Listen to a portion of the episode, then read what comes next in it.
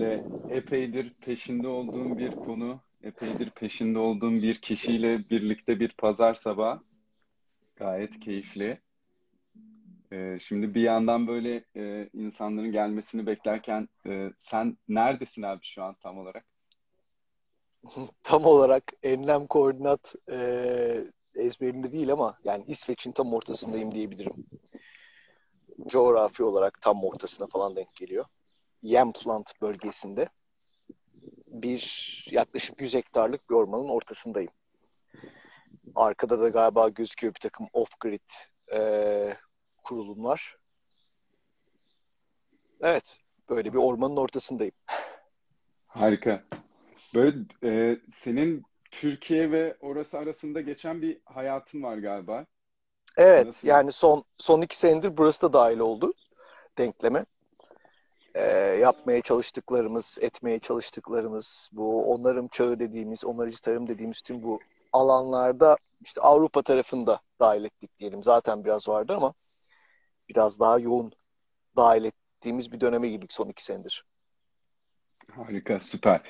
Yani bugün e, zaten aslında senle konuşacak olmaktan böyle duyduğum heyecanın bir kısmı da e, böyle bir şeyleri hani teorik olarak öyle mi yapsak, böyle mi olur, şuraya mı gidilir, buradan mı gelinir değil de hani pratiğin ve aksiyonun içinden yaşayan ve konuşan biri olduğun için tam e, bugünlerimizde çok ihtiyaç duyduğumuz bir yerde durduğunu düşünüyorum.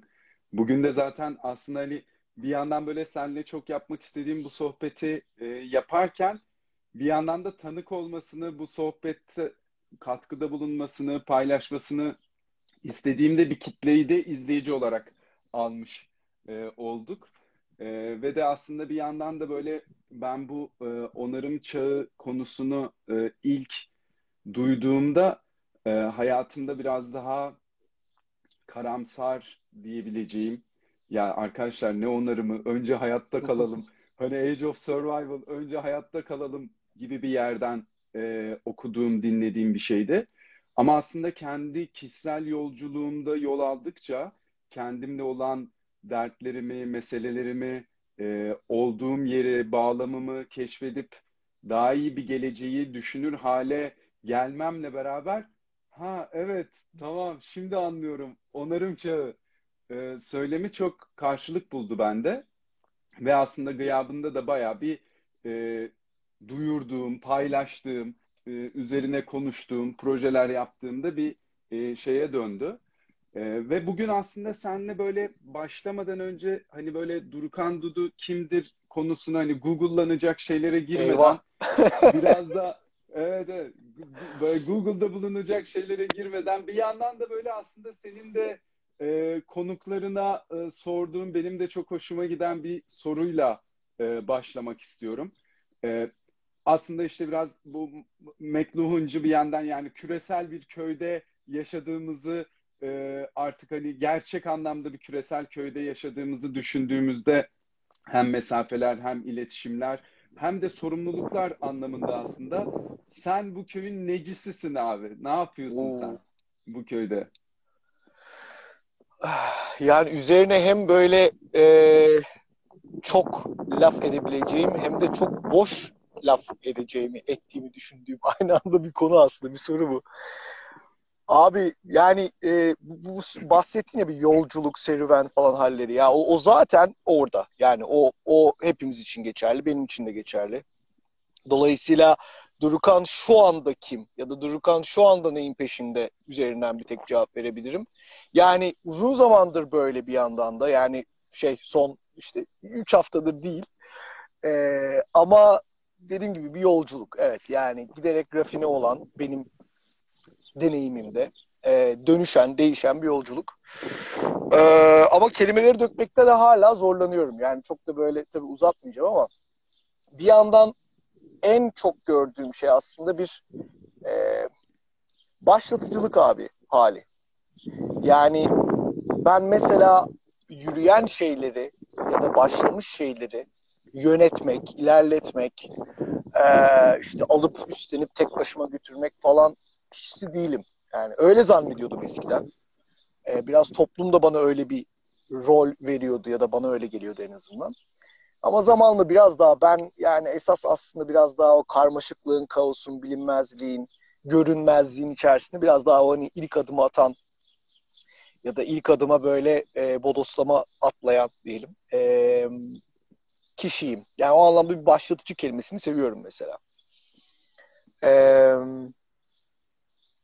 hizmet etmeyi çok seviyorum. Ya hizmet etmek de bu, bu kelimeleri kullanırken biraz böyle çekiniyorum. Çünkü bunlar artık böyle bazen egolarımızı beslemek amaçlı kullandığımız kelimelere dönüşüyor bu şeyler.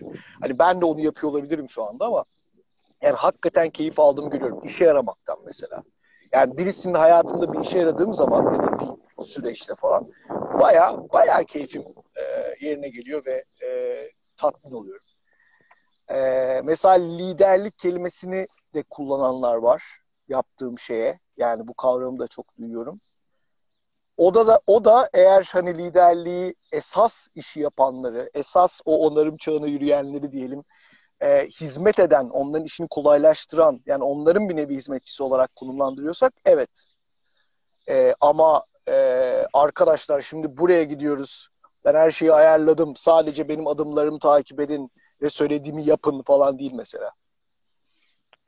Eee Evet böyle bir yerdeyim galiba. Dediğim gibi biraz bo- boş konuştum ama e, umarım bir şeyler söylemiştir.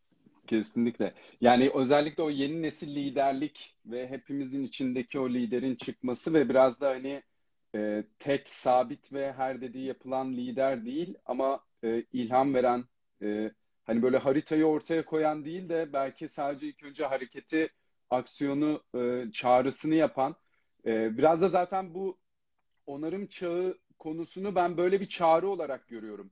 Bir davet e, olarak görüyorum ve biraz böyle onarım çağına doğru gitmeden önce e, bir de şimdi hani mesela bizi böyle izleyecek e, çok farklı kesimden insanlar var. E, özellikle toplumda böyle çok yakınlarımızda bile bu e, karamsarlığı, mutsuzluğu e, ve sıkışmış hali çok daha derinden görmeye başladık. Aslında yani bir yandan o karamsarlık büyürken bir yandan da umudun büyüdüğünü de görebiliyorsun. Hani ne hmm. yöne baktığın ve nereden e, örneklem yaptığınla alakalı ama e, senin burada böyle içinde bulunduğumuz bu dönemle ilgili hani hep bu bizim nesille ilgili eylemlerde falan da şey vardır ya hani bu da bize geldi. Hani bunu da biz protesto ya da bu da bize hmm. kaldı gibi bir e, şey var sen baktığında içinde bulunduğumuz dönemi biz nesiller olarak e, nasıl değerlendiriyorsun ve hani baktığında böyle içinde umut taşıyan bir insan olarak hani bu umudun kaynağı nedir? E, ve bu umudu hani bilmediğimiz ne yiyip ne içiyorsun gibi. Nereden geliyor bu umudun kaynağı? Durukan. Aa, ilk aklıma gelen şey şu söylediklerinden umutlu olduğumu nereden çıkardınız? yani böyle bir yerden aslında ilk aklıma gelen şey o. Yani e, şöyle e, umut çok önemli bir kelime, kavram evet ama ben o, o bağlamda düşünmüyorum pek şahsen. Yani şeyde pratik olarak hayatımda. Yani şöyle anlatayım aslında. İklim değişikliği hareketinin ekoloji ve iklim değişikliği Hareketi'nden bu anlattığım işte 14 sene falan önce. Ve o zaman işte COP 15'lere falan filan da giden bir insan olarak Kopenhag mesela. Yani sayısı olarak çok net. Bu anlattığım bu arada 13 sene önce 2009. Çok netti yani hani e, çok çok kötü gidiyor her şey. Ve bu arada sadece hani tamam iklim değişikliği, ekosistem krizleri falan filandan bahsediyoruz ama bunun gıdaya, tarıma yansıması var. Hatta aslında bütün bir medeniyet krizinin içindeyiz. Ve böyle sayısı olarak baktığın zaman gerçekten çok kötü durum. Yani ben o durumun ağırlığını ve ahcilliğini böyle altını çize çize hiç kıvırmadan, hiç e, kendimizi kandırmadan, kendi korkularımıza rağmen yani durumun ağırlığını tespit etmenin bizde yaratacağı travmalara veya zorluklara rağmen o tespit etmeyi çok önemsiyorum ve en azından ben öyle görüyorum. Ya öyle gördükten sonra şöyle bir ikinci adım oluyor kafamda. Ola geldi.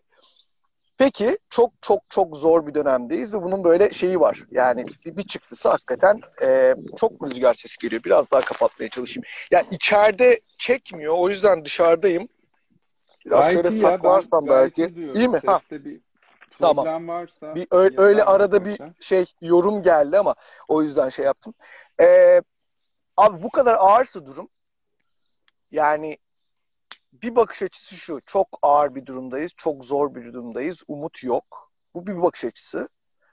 Ee, ve bu bakış açısının beni götürdüğü yer çok bireysel bir yerden konuşuyorum. Hareketsizlik ve eylemsizlik. Yani sonunda zaten öleceğim.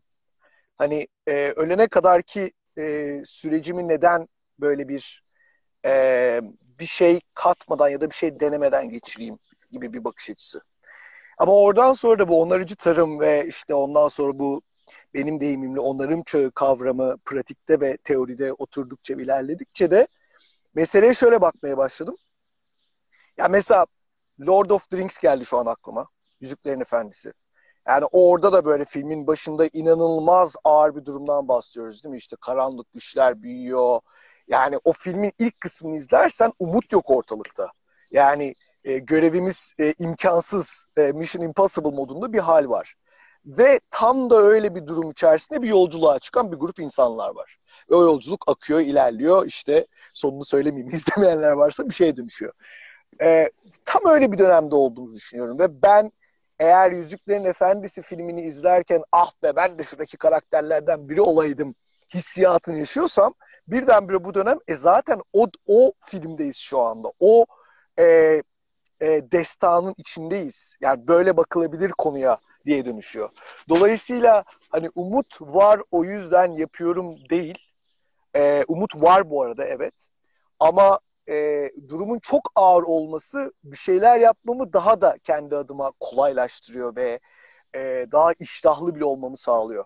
O yüzden diyorum yani çok şanslı bir kuşağız aslında. Eğer meseleye böyle bakarsanız düşünsenize yani bundan işte 20, 30, 50 neyse yıl sonra ya da son nefesinizi verirken yani insanlığın en zor döneminde ki gerçekten öyle şu dönem en zor döneminde ben bir şeyler yaptım Başarılı oldum ya da başarısız oldum. Başarılı olduk ya da ol, olmadık. Hiç önemli değil. Ama o dönemi yaşadım ve o dönemde o yolculuğa çıktım deme şansına sahip, hayatına böyle bir anlam katma şansına sahip nesiliz. Ben o yüzden umut var mı yok mu sorusunu es, es geçelim diyorum. Çünkü onu sonsuza kadar tartışabiliriz. Ve ben de çok böyle e, beni e, zorlayan durumlarla, gözlemlerle karşılaşıyorum bu hayatta. Yani hiç öyle polyanlacılık falan değil. Ve ama o, o durumun zorluğu değil konu. Yani bu durumun bir şeyler yapmak için en doğru, en güzel zaman ve en ihtiyaç duyulan zaman. Ve bu kadar ihtiyaç duyulması bana, beni burada hep, her birimiz kendi adımıza alalım, müthiş bir enerji sağlıyor bana. Öyle diyelim.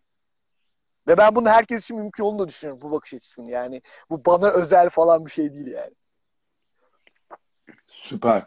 Tam e, e, evet yani umut konusunda e, umuttan girme sebebim de biraz da oydu aslında. İçinde bulunduğumuz karamsarlığından çıkaracak şey bizi e, ilk adımı atmamızı sağlayacak şey bir şeylere umut etmek değil aslında. Yani senin söylediğinden de duydum. İlk önce tam olarak neyin içinde olduğumuzu tam olarak anlamak. E, e, kişisel yolculuğum biraz böyle bu sohbette ondan ona değinmek istiyorum. Yani kişisel Hı-hı. geldiğim yerde özellikle 2018'de e, işte bu eco anxiety kelimesinin ne olduğunu da bilmiyordum ve kişisel olarak tam öyle sıkıştığım bir yerdeydim. Yani böyle işte sunumlarımda işte holdinglerin inovasyon ekiplerine yaptığım sunumlarda böyle işte resifler yok oluyor. Çocuklarınıza ne diyeceksiniz falan diye ahkam kesen e, karamsar biriyken e, beni dönüştüren e, dokümanlardan biri e, 2018'de Cem Bendel'in yazdığı Deep Adaptation, derin adaptasyon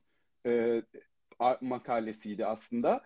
Ve Hı-hı. tam olarak da bunu diyordu. Yani hani e, gerçekçi olmayan hayaller peşinde koşmaktansa tam olarak eğer şu anki gerçeklik, şu anki gidişatın içerisinde nereye doğru gidiyoruz ve ne oluyor bunu anlamak.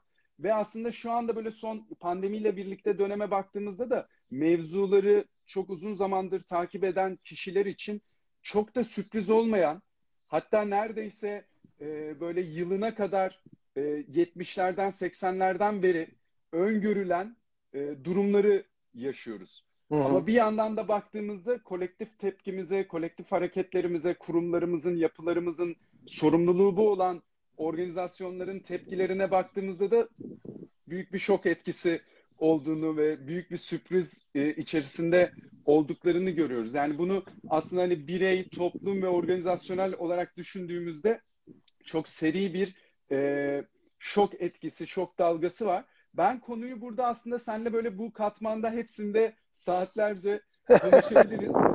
burada konuyu biraz bu bireye e, bir olma, bireyin kendi deneyimine ve kendi yapabileceklerine e, ve bunu da konuşurken kesinlikle şu hani tüm bu yükün sorumluluğu ve e, işte e, sebebi bireydir ve bireyin dönüşmesidir, geri dönüşümdür, Hı-hı. bireyin aksiyonları gibi bir yerden değil de değil, evet. bunun başlangıç olan yerinin birey olma halinden e, ele alarak bu e, hani onarım çağı dediğin ve davetini, çağrısını yaptın ve işte herkesin bir parçası olabileceğini söylediğin bu onarım çağı e, birey için ne söylüyor? Bu bütünsellik, hmm. bütünsel yaklaşım birey için ne söylüyor? Biraz buradan bahseder misin?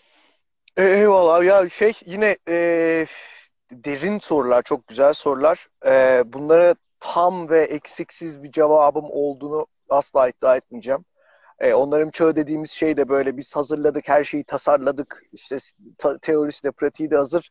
Şimdi gelin buyurun e, gibi bir şey de değil. Onu hani sen de çok biliyorsun zaten ama bir kez daha altını çizeyim. Yani gerçekten aslında bir e, kolektif aksiyon e, çağrısı. Yani biz de işte yaparak e, keşfetmeye çalışıyoruz. Beraber şeyleri beraber e, tasarlıyor ve eğiliyoruz. Hani hadi buna dahil olun aslında çağrısı ve beraber tasarlayalım, devam edelim çağrısı. Ama bazı tabii örüntüler de var. Yani o örüntüler üzerinden zaten e, bir şeye dahil olabiliyoruz. Ee, yani şu ana kadar aslında şöyle bir yerden almam gerekiyor belki. İşin hakikaten tam da onarım çağı gibi iddialı bir kavrama yakışan bir şekilde böyle bir bireysel boyutu var. O bireysel boyutun mesela bir e, çok spiritüel denebilecek bir boyutu var. Çok e, yani e, nasıl diyelim tekamül denebilecek bir boyutu var. E, in, aynı şekilde bununla bağlantılı insan insanla nasıl ileşmeli, ilişmeli, nasıl beraber olmalı. E, yani sevgi nedir, beraberlik nedir, dayanışma nedir, rekabet nedir falanlara kadar giden böyle bir tarafı var. E, bir de işte böyle kurumsal, e, medeniyetsel olarak kendimizi nasıl tasarlayacağız? Ve bunların hepsinin aslında gelip dayandığı yerle birey. Sorumluluğun bireyde olduğu tarafını senin yaptığın o e, uyarı ile birlikte ben de yaparım. Yani şundan bahsediyoruz. Mesele işte bireyin çöpünü ayrıştırmasıyla çözülecek bir mesele değil. Yani içinde bulunduğumuz kriz çok derin. Ben şöyle tanımlıyorum bazen. Ee, yaptığımız şey aslında bu krizi çözerek medeniyeti bir sonraki adımına taşımak. Yani krizi çözmek hatta bir vesileye dönüşüyor burada. Yani bu krizin kendisi aslında e, insanın, medeniyetin, varoluşun bir sonraki aşamaya geçmek için önündeki son ya da işte en önemli sınava dönüşüyor. Resmen geçebilelim diye böyle bir sınavla karşılaşıyoruz falan diye de okunabilir. Ee, bir defa bu bakış açısı bence önemli. Yani tüm bu işte karamsarlık, umut vesaire denkleminde de aynı yerdeyim ben kendi adıma. Mesela umut çok önemli ama umut üzerinden bakmıyorum dememin bir sebebi de şuydu. Abi umut mesela beklenti yaratabiliyor çok hızlı bir şekilde. İşte daha güzel bir dünya beklentisine dönüşüyor umudundan. Sorunların çözülmesi beklentisine dönüşüyor. Kendi hayatının tam da hayal ettiğine dönüşmesi beklentisine dönüşebiliyor. Ben hani en başta sonsuz umut ya da sonsuz hayal ve sıfır beklenti gibi bir yerden yola çıkmamızı önemsiyorum. Ee, ama bunu tabii biraz daha da pratik hale getirecek olursam onarım çağı dediğimiz zaman aslında insanlığın bugüne kadar yaptığı, attığı her adımı ki bunların içerisinde en derini ve en yoğunu e, doğayla kurduğu bağlantı, doğayla kurduğu ilişki ve bu ilişkinin pratik yansımaları bunlardan başlayarak insanın insan olmak ne demek, ben insan olarak ne üretirim, nasıl yaşarım, hangi varsayımlarla yaşarım, neyi hedefleyerek e, topluluklar, ülkeler, ne bileyim işte toplumlar kurarım, şirketler kurarım. Bütün bunları aşama aşama bir aydınlanma ya da işte bir sonraki aşamaya geçmenin de e, beraberinde yaşaması. O yüzden mesela onarıcı tarımı, onarıcı tarım dediğimiz şey de bu arada onu bir böyle hızlıca geçelim en azından tanım olarak. Herhangi bir arazide en ufak bir tarla ölçeğinden, mera ölçeğinden kocaman bir havzaya hatta kıtaya ve gezegene kadar gıda üretirken o gıda ürettiğin gıda veya doku malzemesi diyoruz. Yani kereste veya pamuk da buna dahil. E, gıda üretirken o o arazi parçasını, o ekosistemi iyileştirme hali. Yani çok basit aslında. Hiç böyle o onarıcı tarım mıdır, bu onarıcı tarım mıdır'a girmeye bile gerek kalmıyor. Eğer o arazide bir gıda üretiyorsun ve ya da değil ve orayı iyileştiriyorsun. Aynı anda bu ikisi yaşanıyorsa ona orada olan şey onarıcı tarım diyoruz. E, ve bunun da işte karbon gömmek, iklim değişikliği durdurmak, hatta e, reverse etmek yani geri getirmek, e, iklim değişikliğine uyum, biyolojik çeşitlilik, gıda krizi, gıda güvencesi vesaireye kadar çok ciddi doğrudan ekolojik ve gıda yönelik yansımaları var. Ama bir yandan da mesela bu onarıcı tarımı onların çağının başlangıç noktası olarak ben kendi adım en azından tanımlıyorum. Çünkü konu burada mesela tarımla ilgilenen ya da doğayı seven ya da işte e, kendisi de gıda üretmek isteyen insanlara bir çağrı değil. Dediğin gibi yani en işte birey e, ölçeğinden şirketlere kadar. Ve temel mesaj da şu. Bizim biz bugüne kadar inşa ettik, yarattık, ettik. Aslında inşa ettik ve ürettik. Ve çok ürettik. Yani insanlık olarak karışık sistemleri büyük bir başarıyla da ilerlettik. İşte uçtuk mesela 30'larda değil mi? Ee, ve işte ondan 40-50 yıl sonra ya da yani 20. yüzyılın başında tam tarih şimdi yanlış söylemeyeyim.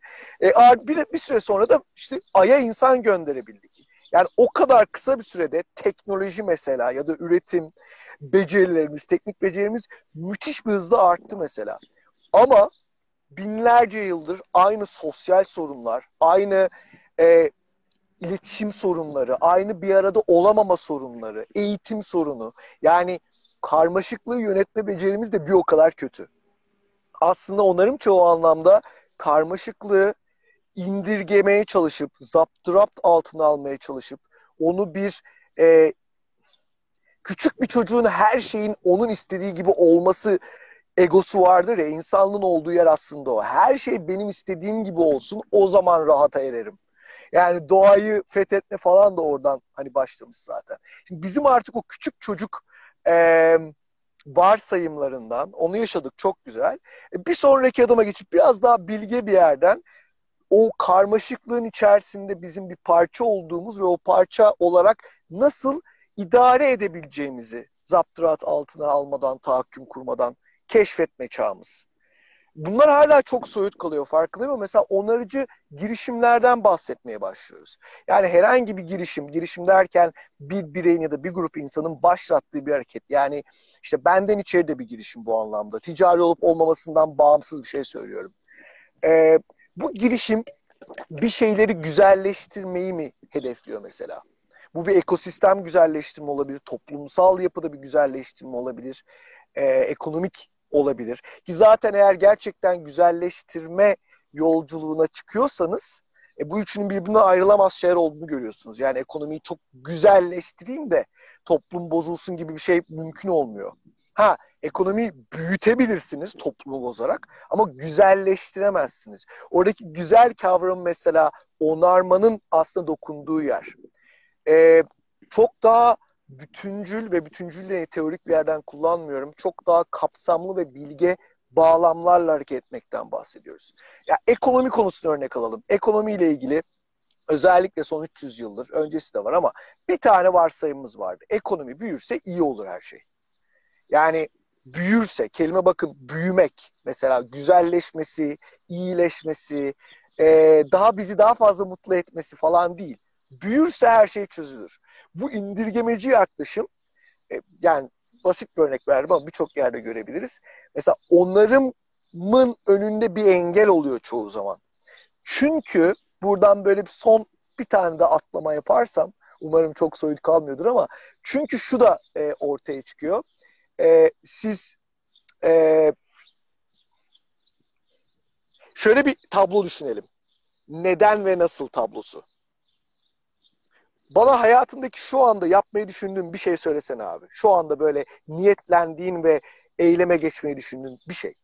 Çok basit, çok somut. Ee, yani bahçeme şu an domates ve e, birkaç yeni reyhan gibi şeyler ekmeyi düşünüyorum bu görüşmeden sonra. Peki. Bahçeye domates ekmeği mesela böyle o tablonun ortasına bir yere koy böyle kocaman bir kanvas olsun bu. Böyle soluna doğru ona neden neden neden sorusunu sorarak ilerle. Neden domates ekmek istiyorsun? Sorayım. Toprağa değer hale gelmek istiyorum. Toprakla ilişkilenmek Top, istiyorum. Toprağa neden ilişkilenmek istiyorsun? Bir kez daha sordum diğer tarafa doğru. E, çünkü aslında hayatımda e, buralara, İstanbul'dan buralara göçmemin bir nedeni de betondan doğayla temas kurabilir hale gelmek. Neden doğayla temas kurmak istiyorsun? Çünkü aslında kendi içimden başlayarak bir kopuş olduğunu, doğadan koptuğumu ve bu doğadan kopuşun bana iyi gelmediğini e, gözlemledim, hissettim. Tamam yani iyi, daha mutlu olmak için yapıyorsun bunu. Yani mesela evet. niye neden daha mutlu olmak istiyorsun diye de sorabiliriz. Böyle bir, bir soru Hı-hı. daha. Yani orada Hı-hı. artık saçmalamaya başlarsın çok doğal olarak yani mutlu olmak istiyorum çünkü mutlu olmak istiyorum gibisinden. Yani bu mesela bu neden tarafını olduğu gibi felsefecilere, işte spiritüel dünyaya, e, ne bileyim hafta sonları okuduğumuz kitapta aradığımız bir anlama bırakıp e, pratik hayatta da tamamen böyle işin nasıl tarafına odaklanmış bir medeniyette yaşıyoruz. Bu medeniyeti biz yarattık bu arada. Mesela o tarafta da tamamen domatesi en iyi nasıl yetiştiririm? Hangi gübreyi atmalıyım bu örnek üzerinden? İşte hmm. e, kaç paraya satarım? Yani tamamen nasıl odaklandığımız bir yerdeyiz. Yani böyle bir böl- bölünüm var aslında. Şu anda bir yandan tabii ses düşüyor ama bir bölünüm var. Neden tarafıyla nasıl tarafını tamamen ayırmışız. Nasıl tarafı işimiz, tırnak içinde işimiz, hayatın ta kendisi. Ondan boşa çıkarabildiğimiz zamanlarda da dönüp nedene bakıyoruz. Yani aslında onarım çağı dediğimiz zaman bu ikisini birleştirmek ve bir arada hareket etmeye gelen bir yerden bahsediyorum. Ben öyle bir dünya istiyorum ki şu yaptığımız muhabbet ve bununla, buna uygun olan diyelim girişimler, hareketler, eylemler gençlerin aynı zamanda geçim kaynağı olsun mesela. Bu bir hobi olmasın. Bu e, hani bir tek bir şekilde e, ekonomik ve sosyal tarafını halletmiş insanların diyelim sadece ilgilenebildiği, e, belli bir güvencede yaşayan insanların sadece ilgilenebildiği alanlar olmaktan çıksın. Çok pratik düzlemde. Bu 20 yaşında, 19 yaşında neyse bir gencin ben acaba ne yapsam diye sorduğu zaman bu hayatta kendimi nasıl idame ederim diye de sorduğu zaman karşısına çıkan cevaplardan biri haline gelsin. Ekonomiyle toplumu ve e, ekolojiyi bağdaştırmak, tek bir çerçeve altına almaktan bahsediyoruz bir yandan da. Yani bu mesela benim için çok önemli. Bireysel düzlemde çok önemli. Ben o yüzden yaptığımız her işin ekonomik bir temele mesela oturmasını çok istiyorum. Ee, yani gören kişi, yapan kişinin burada bir yani o, o ayrımı yapmak yerine insanın hayatta kalmak için yaptıklarıyla aslında yapmak istedikleri arasındaki o ayrımı yok etmek belki de onların çağının ilk noktası diyebilirim. Biraz uzattım lafı kusura bakma. Estağfurullah. Ya e, işte böyle e, özellikle bu bir dünyasındaki bu e, uzmanların bilgeliklerine ve pratiklerine e, baktığımda e, tam olarak bu sende şu an biraz önce yaptığımız sohbetteki şeyi görüyorum aslında. Bir pratiğin kendisi var. Yani bir onarıcı tarım meselesi var. E, işte ne oluyor orada? İşte endüstriyel tarımla endüstriyel hayvancılığın birbirinden ayırdığı iki dünyayı bir araya getirerek aslında orada e, zaten var olan, zaten kendiliğinden gerçekleşen e, bir kurguyu yeniden e, canlandırıyorsun. Ve dönüyoruz aslında senin başka katmanlardaki pratiğine baktığımızda işte hani bir yanda işte para kazandığımız bir şeyler yapalım ama bir yandan da onarım yapalım değil. Hani bu ikisinin bir araya geldiği e, bir ve, dünyadan evet, e, bahsediyorsun. Bu, Evet abi ve bu zor bir şey. Yani bunun ben böyle hadi yarın sabah yapın falandan e, başlamıyorum. Yani bence yani biraz daha böyle e, hani teknik değil ama Yani aslında bir yandan teknik bir yandan da çok spiritüel ilginç bir şekilde bir konuya değinecek olursak mesela bütün meselenin bence başlangıç noktalarından biri de cesaret. Cesaretten kastım bu arada e, şöyle bir cesaret. E, hani bu bütün bildiklerinizi unutun falan filan gibi bir muhabbet vardır ya. E, o, o öyle bir cesaretten bahsediyorum. Çok ciddi e, hepimizin ideolojileri, hayat görüşleri, korkuları, beklentileri falan var. Ve bunların yarattığı çok ciddi e, ezberler de var. Ya benim de var, hepimizin var.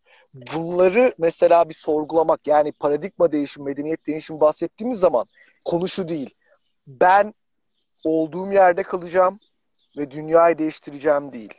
Ben ve hepimiz hep beraber aslında bir gerçekten dönüşüm yolculuğuna çıkıyoruz. Örnekler vereyim bu arada. Yani bunun e, gündelik hayata yansıması konusunda. Doğayı çok iyi onarma gücümüz olduğu gibi doğayı yok etme gücümüz de var. Aynı Aynen. ilişkileri, güzellikleri yok etme Aynen. ve yaratma gücümüz oldu. Ya yani ikisi de var en aslında. En canlıcı yeri evet. Tamam.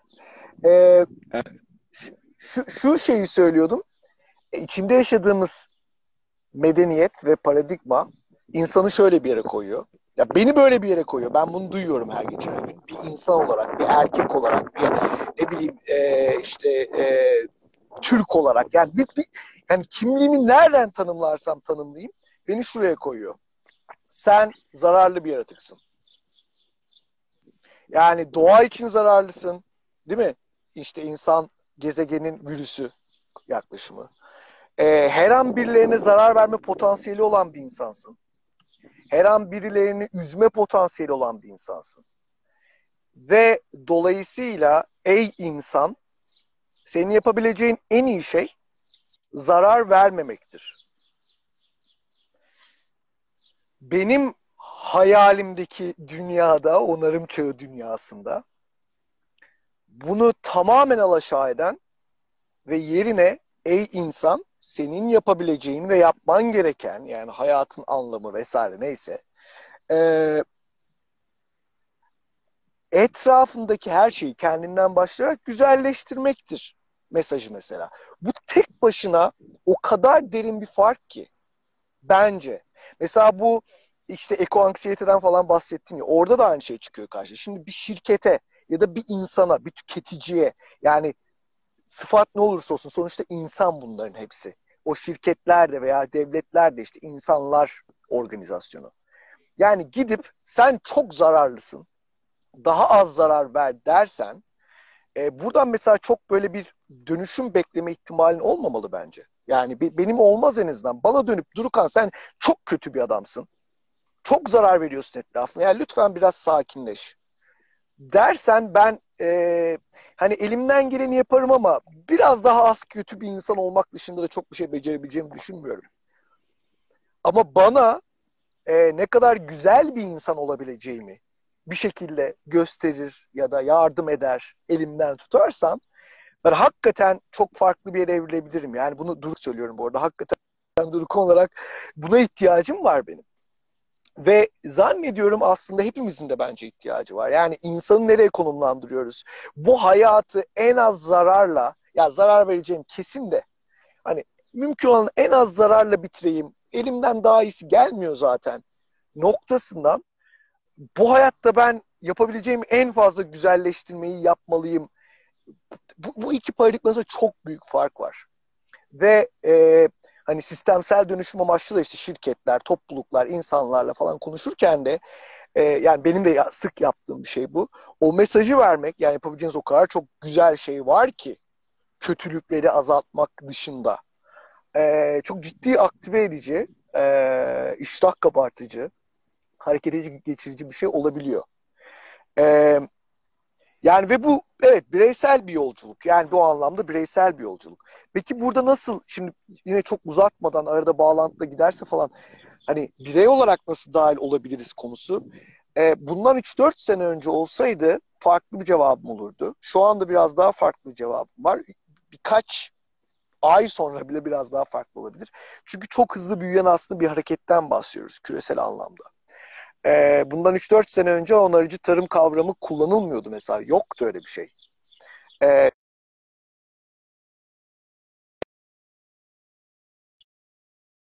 e, radarına girmiş durumda ve bu arada insandan başladı. Yani bu soruları soran hani tırnak içinde bir avuç insandan buraya geldik. Ve o insanlar sayesinde buraya geldik. Yani her birimiz, her birimiz üzerinden. E, ve dolayısıyla artık böyle ete kemiğe bürünen, e, sadece fikir değil, uygulama aşamasında da birçok alan açan kendine. Diyorum ya hani 20 yaşındaki gençlerin e, kariyer olarak ben acaba onarım çağını mı seçsem diyebileceği bir yere giden bir yerdeyiz. Ben şu anda bu konulara ilgi duyan, bu konulara heyecan ve iştah duyan insanlara yani çok basit bir düzlemde bunlar bu, bütün bunların üzerine okuma yapmak, düşünmek, etrafına bu gözlerle bakmak dışında bir şey önermiyorum. Ve takip etmek olan biteni. Çünkü arkadaşlar acayip büyük bir dernek kurduk. Hepiniz hadi üye olun. O dernek üzerinden bir şey yapacağız gibi bir durum yok pek henüz. Ee, onun zamanı da gelmedi. Onun zamanı belki de hiç gelmeyecek. Başka şekillerde yapacağız zaten ama. E, yani mesela Anadolu meralarını takip edin. Yani bir, bir, bir bakın ne ne oluyor, ne bitiyor. E, çünkü bu şekilde bu serüvene dahil olan çok insan oldu. Yani ne bileyim işini gücünü de buna dönüştüren. E, belki bir sonraki de sizsiniz. Ya da o mesajı yayan ya da o kurmaya çalıştığımız ekosistemlerin, Safimer ekosisteminin mesela parçası olan yani buna benzer çok şey oldu ve giderek artıyor bunun hızı. E, o yüzden böyle o tarafa bakmaya başlamak bile e, aslında çok ciddi bir kolektif dönüşümü başlatıyor. Kesinlikle. Yani aslında biraz burada şeyi de duyuyorum. Yani içinde bulunduğumuz bu e, durumlar içerisinde hani belli seri tercihler yani ne aldığımız, ne yaptığımız, e, hani hangi aktiviteyi tercih ettiğimiz, kimlerle olmayı tercih ettiğimiz üzerinden şekillenen bir durum var. Evet yani tercihlerin etkisini kesinlikle görüyoruz ama bir yandan da aslında o tercihleri bizi iten ne olup ne bittiğini anlamamızla ilgili de bir anlamlandırma krizi yaşadığımızı da düşünüyorum. Yani hı. E, çünkü aslında hani e, çok bariz e, ortak durumlarla ilgili bile e, çok çok farklı e, düşünebiliyoruz ve hem fikir olamıyoruz. Çünkü hani aslında tüm bu anlamlandırmamızı sağlayacak işte o medya dediğimiz e, dünya aslında bir yerde çok yüksek teknolojilerin, algoritmaların ve işte ülkelerin, şirketlerin oyun alanına e, dönmüş durumda ve gerçekten anlamlandırmakta e, çok zorlanıyoruz ve anlamlandırmaktaki bu zorluk işte tam o söylediğin o tercihlerimize yansıyor, yansıyor. ve evet. bize iyi gelecek, e, etrafımızı güzelleştirecek tercihlere e, ulaşamıyoruz ve bu bir kısır döngü.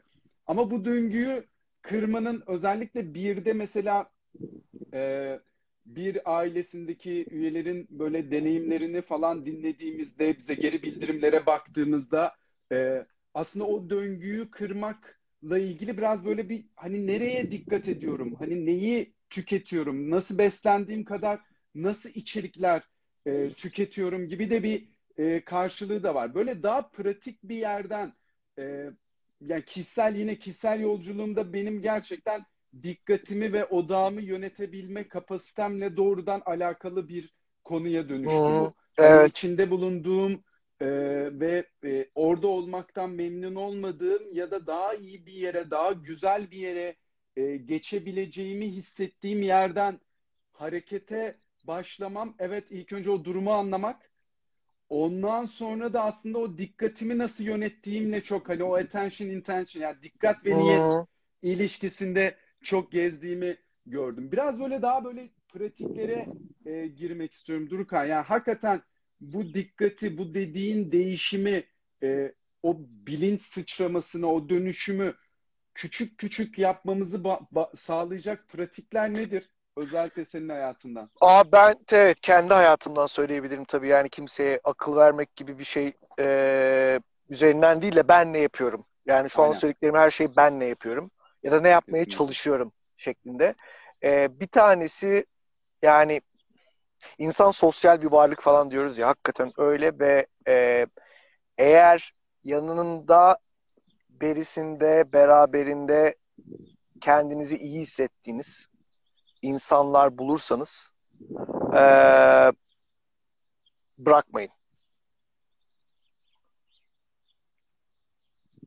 Eylem ve yani harekete geçmek. Hareketten kastım bu arada en basit eylemden bahsediyorum. Yani dünya kurtarmak falan değil. Bayağı hadi festival yapalım. Ya da ne bileyim hadi mahallede bir etkinlik düzenleyelim. Ya da hadi bir ufak gıda topluluğu kuralım. Her neyse o eylem. Hiç ölçeğinin zerre önemi yok. O eyleme geçmekle e, ne yapılması gerektiğini tartışmak arasındaki dengenin böyle iki eylem hatta üç eylem bir tartışma oranında kalmasına ben çok özen gösteriyorum. Yani fazla tartışma mesela mayayı bozan, beni çok en azından e, engelleyen bir şey. E, teorik olarak ya da felsefi olarak ne yapmak lazım falan filan. Ben ben ben bayılıyorum en azından öyle söyleyeyim. Benim ve ve bir çok bir hayır çıktığını da daha görmedim. Daha doğrusu şöyle tartışmasız da olmuyor. O tartışmanın dozu böyle hani bir şey eğledik. Daha doğrusu şöyle biraz düşündük. Bunun üzerine eyleme geçtik. Bir şey yaptık her neyse o. Ondan sonra yeniden üzerine bir değerlendirme yaptık. Ve bir sonraki adımı attık. Böyle döngüsünde olmalı gibi. Ee, başka bir dikkat ettiğim şey e, fikir birliğine önem vermiyorum. Muhabbet birliğine önem veriyorum yine bir araya gelirken.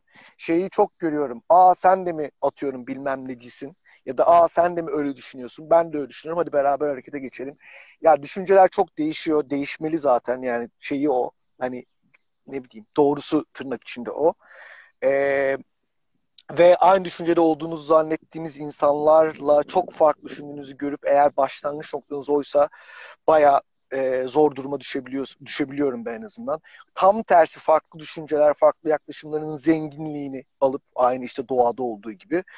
E, ve ama biz birbirimize en azından bir başlangıç güveni ve isteği duyuyor muyuz beraber hareket etmek için den yola çıkmak. Ben onu işte fikir birliği yerine muhabbet birliği olarak tanımlıyorum mesela. Öyle bir yerden e, ilerlemek.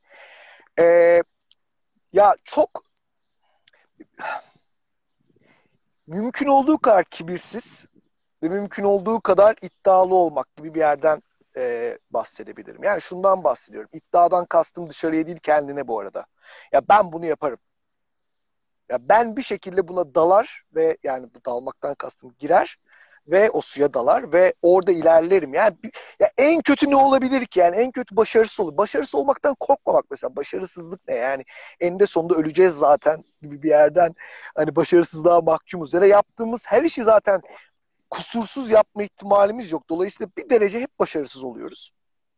Mesela o başarı beklentisinden ve saplantısından çıkmaya çalışıyorum kendi adıma. Daha çok bir deneme ve mümkün olduğu kadar güzel deneme, kafasıyla ilerlemeye çalışıyorum. E, çünkü o başarı da mesela e, kendimize yani hem toplumun bize hem de kendimizin kendimize koyduğumuz böyle kısıtlayıcı faktörlerden biri bence. E, akıllı olmakla idealist olmayı ya da rasyonel olmak, idealist olmayı bir şekilde birbirine ters şeylermiş gibi algılatmayı başarmış bir dünyadayız kendimize. Benim aklım hayalim almıyor. Bırak birbirine tersliği, birbirine böyle etle tırnak gibi geçmiş şeyler bunlar. Yani idealistsen o ideallerin yolunda rasyonel bir yerde hareket etme sorumluluğun vardır zaten. Yani e, mesela ben o yüzden o ikisini çok hani bırak birbirinden ayırmayı dediğim gibi e, çok iç içe geçmiş şeyler olarak görüyorum. Öyle bir yerden hareket etmeye çalışıyorum. Hani o az önce bahsettiğim e, işte çok şey olsun ne derler e, idealist bir hayatım olsun bir yandan boş zamanlarımda. E, diğeri kalanda ama realist ve rasyonel olayım. Ayrımı mesela yani bence uzak durulması gereken, benim uzak tutmaya çalıştığım bir şey. E, ya dandik bireyler olduğumuzu bilmek mesela ve yani o dandikliğimizden çok güzelleşme, yani ona takılmaktan çok güzelleşme potansiyelimize odaklanmak. Ee, yine yapmaya çalıştığım şeyleri anlatıyorum. Bakın yani şey yaptığımı iddia etmiyorum bunların hiçbirini. Ee, seçimler, tercihler çok katılıyorum. Seçimler, tercihler tarafına ve bunlar böyle hani 10 yıl sonraki tercihlerimiz falan değil. Yani her gün yaptığımız tercihler. Ee, yani ben şunu yapmaya çalışıyorum. Bir durumla karşılaştığımda bu, bunu öne, önerme kafası söylemiyorum. Yani bunun zor tarafları da var ama şu benim çok işime yaradı abi böyle süper haklı olduğum bariz olan bir durumda bile ya da öyle gözüken herkesin bana onu söylediği falan bir durumda bile ya ben burada neyi eksik yaptım? Ya da ben benim buradaki hatam ne sorusunu sormak. Yani hani blaming dediğimiz dışarıyı e, suçlamanın böyle 180 derece tersine çalışmak. Kardeşim falan da beni çok eleştirir. Fazla abartıyorsun bunu falan diye. Haklı da çünkü bir noktada hani e, kendini to- tokatlamaya sürekli dövmeye dönüşüyor ama e, yani kendimi döveyim. Başkalarını suçlamaktansa. O, o, ona önem gösteriyorum ve ben herkesin göstermesi gerektiğine de inanıyorum. Çünkü ya evet birey olarak zor bir hayat oluyor ama ya bir düşünsenize şu anda dünyada yaşanan bütün sorunları, gözlemimiz bütün sorunları bir anlığına e, ya yağmur yağıyor. Basitliği ve nötrlülüğüyle gözlemleyip peki ben yağmurda ne yapabilirim sorusunu sormak. Yani Allah kahretsin yağmur yağıyor ne biçim hava yerine. Ya evet yağmur yağıyor, evet zor, evet kötü. Ve evet birisi şemsiyenizi çaldı mesela falan yani diyelim. Ee, ve bu durumda ben ne yapabilirim? Ve bununla birlikte bir de hani neyi yapsaydım daha az ıslanırdım sorusu falan da geliyor. Yani birisi de sormuş. Kesinlikle. Evet kendini suçlama çukuruna düşmek çok muhtemel. Ama bence kendini suçlama çukuruna düşmeniz halinde gerçekleşecek şey o kadar da kötü bir şey değil. Başkasını suçlama riskinden çok çok çok daha evla bir risk öyle diyeyim. Bir de belki orada şu da var aslında yani o o süreci e, hani şu an ne oluyor ve bunun suçlusu kim üzerinden o durumu yaşamak yerine yine ben de kişisel deneyimim aslında hani bunun içerisindeki kendi payım hani bir yandan da o stoik felsefedeki gibi yani benim kontrol alanımdaki şeyler evet. var. Çünkü aslında onlar yani biraz benim de nacizane şu ana kadar kendi böyle o tüm duvara toslamalar ve böyle kafamın sürtülüp kıvılcımlar çıkarak geçtiğim öğrenim süreçlerinde e, elimde kalan en önemli şey oydu aslında. Konu sürekli kendini suçlar bir döngüye girmek değil. Yani başkasını suçladığın bir döngüden çıkıp kendini suçladığın bir döngüye girmek değil de aslında tam tersi oradaki o hareket edebilir hale gelmek. Yani seni o içinde bulunduğun e, durumdan ve koşuldan daha farklı bir yere getirecek bir e, aksiyona geçebilir bir haleti rüyeye gelebilmek aslında. Abi kesinlikle şimdi bir yorumda da gördüm. Çok doğru yani. O kelime orada bence de sorumluluk. Yani mesela şöyle bir yerden girelim. Yine bu çağın en önemli kavramlarından bir tanesi hak. Değil mi? Hak temelli mücadele. Yani bunların hepsi bu arada güzel şeyler. Kötü e, eleştiri anlamında söylemiyorum ama hak kelimesine çok ağırlık verdiğimiz bir çağ yaşıyoruz. Yani şu soruyu soruyoruz. Ben bunu hak ediyor muyum mesela?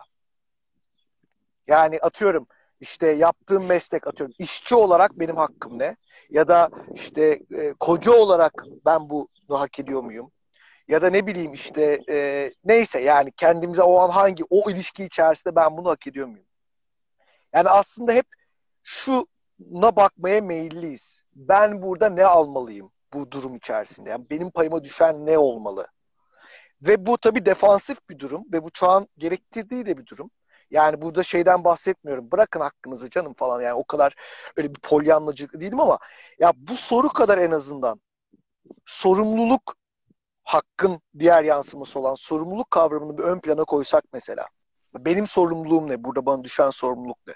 Ya şuradan başlayalım aslında. Şöyle bir dünyada yaşamak ister miydiniz? Herkes borcunun peşine düşmüş. Kimse alacağının peşinde değil. Herkes birbirine sürekli ya benim sana borcum vardı hadi ödeyeyim artık. Para borcu ya da işte ne, ne borcuysa. Sürekli bunu söylüyor. Senin bana borcun vardı hadi artık öde diye koşturmanın tam tersi olan herkesin ya ben sana ne yapabilirim? Benim sana bir borcum var. Benim benim ben senin için ne yapabilirim diye sürekli birbirine bu soruyu sordu. Sen bana ne yapabilirsin yerine. Ben öyle bir dünyada yaşamak isterdim. Ve istiyorum. Ve bu dünyayı hani 8 milyar nüfusluk bir yerden değil, kendi yaşadığım habitus, beraber iş yaptığım ekibim, işte topluluğum, bunun içerisinde yaratmaya çalışıyorum. Yani oradan böyle hani adım adım ilerler diye ama en azından o arada beni de e, bir deneme alanını da açar diye. Mesela ben bunu çok önemsiyorum. Çünkü burada artık sorumluluk tarafında dönüyor. Yani benim Durukan olarak bu hayatta ne hak ediyorum sorusunu soralım yine hobi olarak ama sorumluluğum ne? Ne yapabilirim? Ne kadar güzellik yaratabilirim? Zaten o eşittir sorumluluğa dönüşüyor. Mesela bütün yetki, bu hayatta sahip olduğumuz bütün yetkiler, bütün beceriler eşittir. Sizin sorumluluğunuz gibi bir yerden de e, çok duyabileceğimiz sorular. Yani o, o mesela hak yerine sorumluluğu ön plana çıkarmak benim için çok değerli. Yani benim çok işime yarıyor. İlk başta biraz ağırlık gibi oluyor. Kendinizi enayi gibi de hissedebilirsiniz. Ee, benim de hissettiğim zamanlar oldu. Ee, ama mesela e, enayi olayım zalim olmaktansa gibi bir yerden de baktığım zaman da o, o, o e, ne derler ağırlık da ortadan kalkıyor. E, bir de zaten fikir birliği değil de işte muhabbet birliği içinde birileriyle bir araya geliyorsanız yani herkesin birbirine böyle ben sana nasıl yardımcı olabilirim dediği bir ufak mikro hayatlar kurmaya başlıyorsak e zaten birdenbire o, o cennetin içinde buluveriyoruz kendimizi diyelim yani mikro cennetin. E oradan da işte onu ya şöyle bir şey var. Eğer bütün bu konuştuklarımız, bütün bu anlattığımız işte onların çağına belki dair bir takım başlangıç noktaları gerçekten insan olarak her birimizin insan denen varlığın temel ihtiyaçlarına dokunuyorsa hakikaten bu kadar güzel bir şeyse zaten biz bunu yaptığımızda buna herkes atlamak isteyecek. Doğru mu? Ya bu kadar güzelse Kesinlikle. bu yapılmaya ve olmaya başladığı an herkesin içine dahil olmak için koşturacağı bir hal bu. Ne güzel, şahane. Eğer güzel değilse, eğer biz kendimizi kandırıyorsak, esas insan olmanın anlamı işte bu onarım ve güzelleştirmek, onarım çağı falan değilse ve dolayısıyla insanlar dahil olmazsa, biz yalnız kalırsak o da o çok güzel. Yani bir varsayımımız vardı. İnsan burada onarmak için vardır özellikle bu dönemde diye bir varsayımımız vardı. Yanlış olduğunu gördük. Ne güzel. Yani her ihtimalle sonucu kazan, kazan, kazan olan bir yolculuk aslında o anlamda. Ben öyle bakıyorum. Öyle baktığım zaman da yani başarısızlık, başarı, e, becermek, becerememek bütün bu kavramlar yok oluyor yani. Bir oyuna dönüşüyor. Çok ciddi bir oyuna dönüşüyor hayat. E, gibi. evet yani burada o kısım da çok önemli. E, onarım çağı davetinde aslında böyle hani e, tabii ki içinde büyük fedakarlıklar var. Tabii ki içinde belli zorluklar var ama bir yandan da e, sen şeyi çok iyi vurguluyorsun. Yani bu davet çileye, derde, tasaya değil aslında biraz böyle bir o belirsizlik içerisindeki bir dansa davet. Da evet ve, abi. Ve o bir oyuna davet. Ee, yani burada o yüzden de aslında e, tüm bu konuları böyle o makroda, dünyada olup biten, gezegende olup biten ve de şu anki bu sosyal mecralarla beraber her yerdeki derdin herkesin olduğu, herkesin herkese konuştuğu ortamlarda o lokalliği ve o birlikteliği, o küçük tribal, kabilesel şeyi yakalamak ve kurmak e, zorlaştığı kadar da çok kritik hale geldiğini e, görüyorum bir yandan da. E, ve Abi çok bu... çok doğru. Pardon özür dilerim. Çok çok güzel bir noktadasın. Mesela bir şey daha söyleyecektim orada. Şimdi sen bunu söyleyince aklıma geldi. Bir başka uzak durmaya çalıştığım şey o süreçte Şimdi bir kabile oluşturmaya başlıyoruz. Bir topluluk yani bu sosyal şey e, ne derler e, sanal bir topluluk olabilir, fiziksel olabilir, beraber ol neyse. Ve çok hızlı bir şekilde büyüme şeyine gidiyoruz mesela. Ben bunu böyle içinde olduğum ekolojik topluluklarda vesaire de çok gözlemledim. Yani her birimizde var. Mesela a üç kişi bir araya geldik nasıl beş kişi olabiliriz? Nasıl on kişi olabiliriz? Ya üç kişi yetmez ki gibi yerden. Yani mesela bu da biraz hani birbirimizin değerini bilmek çünkü beraber bir şeyler yapmaya başladığın zaman e, Schopenhauer'ın yanlış hatırlamıyorsam lafı yani kış ayında bir araya gelen e, şeyler, kirpiler gibi dikenlerimiz de birbirimize batmaya başlıyor. Yani kabilenizi kurun ve hayat cennet olsun falan. Tam tersi. O döneme, o, o onarım çağı kafasıyla öyle bir birlikteliğe girdiğiniz zaman ben en azından en büyük korkularım, en büyük endişelerimle karşılaşmaya başladım. Yani o aynalar bana sadece güzellikler ve bundan sonrası bayram falan değil. Tam tersi aslında kendimle ilgili çözmem gereken şeyleri falan gösteren e, insanlara dönüşüyor. Ne, ne güzel ki. E şimdi öyle bir süreçte de e, yani birbirine karşı o frustrasyon mesela kendine ve birbirine karşı o e, endişe ve öfkeyi biriktirmek de çok kolay. Ee, işte yine hani bir takım suçlama hallerine yani niye böyle oluyor? Umutsuzluk falan. Ben o yüzden mesela beklentisiz bir yerden yola çıkmak ve e, mümkün olduğu kadar bu arada sıfır beklenti gibi bir şey asla iddia etmiyorum mümkün olduğunu. Bende yok en azından. Ama mümkün olduğu kadar oradan yola çıkmak ve yani aslında çok da basit de bir soru. Dediğin gibi benim kontrolümde ne var? Yani ben şu anda ne yapabilirim? Ee, ben şu anda mesela şey de değil. Yani niye böyle hissediyorum aslında daha farklı hisset. O da değil mesela. His de benim kontrolümde değil. Ha, ben kötü hissettiğim zamanlar oluyor. Yani dönüp de oradan da kendimi tokatlamak falan değil. Ama mesela bu hisse karşı ne yapabilirim? Ya da az önce bir hata yaptım. Az önce birisini üzdüm. Az önce birisine yani hoşuma gitmeyen bir şey yaptım. Mesela oradan kendimi e, dövmek de değil. Hani bunu nasıl düzeltebilirim? Ya da buradan ne öğrenebilirim? Ya böyle konuşunca e, yine her şeyi böyle dediğin gibi çok böyle sadece birey sanki dünyada şirketler yok, toplumlar yok, devletler yok falan gibi bir yere gidiyor sanki ama var, yok, hepsi var. Ama ben bireyin ve bir araya gelmiş özellikle bireylerin gücünü henüz böyle e, yüzde birini bile keşfetmediğimizi gözlemliyorum. Yani niyetle ve bu işte kendi kendine sürekli bir reflection yapan diyelim e, yansıtan, geviş getiren e, insanların bir araya geldiği zaman ortaya çıkan potansiyel belki en baştaki örnek geldiğini aklıma o Yüzüklerin Efendisi'nde 4-5 tane tipin bütün o işte ork ordularına karşı mücadelesi gibi. Yani o oradaki potansiyel tahminimizin çok ötesinde. Ben bunu kendi hayatımda defaatle yaşadım. O yüzden böyle biraz emin konuşuyorum. Kusuruma bakmayın ama yani deneyimlerim çünkü.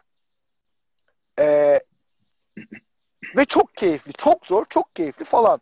Yani tam da işte her türlü destanın, efsanenin olması gerektiği gibi yani masallar da öyle başlar ya böyle masal karakteri kendini bir ortamda bulur. Her şey çok zor. Bir sürü e, korkusuyla karşılaşır falan filan ve ilerler bir şeyler yapmaya çalışır. Birileri yardım eder o, o süreçte falan. Ve sonunda o masal bir, bir nihayetle e, sonuçlanır. Benim mesela orada gördüğüm bu masalın bir farkı bir nihayeti yok. Masal böyle sonsuza kadar gidiyor. E, umarım. Ya da ölene kadar biz gidiyor. Ve o masalın içinde olmak çok tatmin edici diyeceğim ya. Kolay, güzel falan gibi kavramlar da değil. Bilmiyorum. Beni çok tatmin ediyor. Öyle değil. Kesinlikle. Ve bu seni dinlerken kendi yolculuğumdaki şunu da çok aslında bir yandan böyle evet yani dünyada bir sürü şey var ters giden bir şeyleri değiştirmek istiyoruz. Kendi hayatımızda bir şeyler ters gidiyor.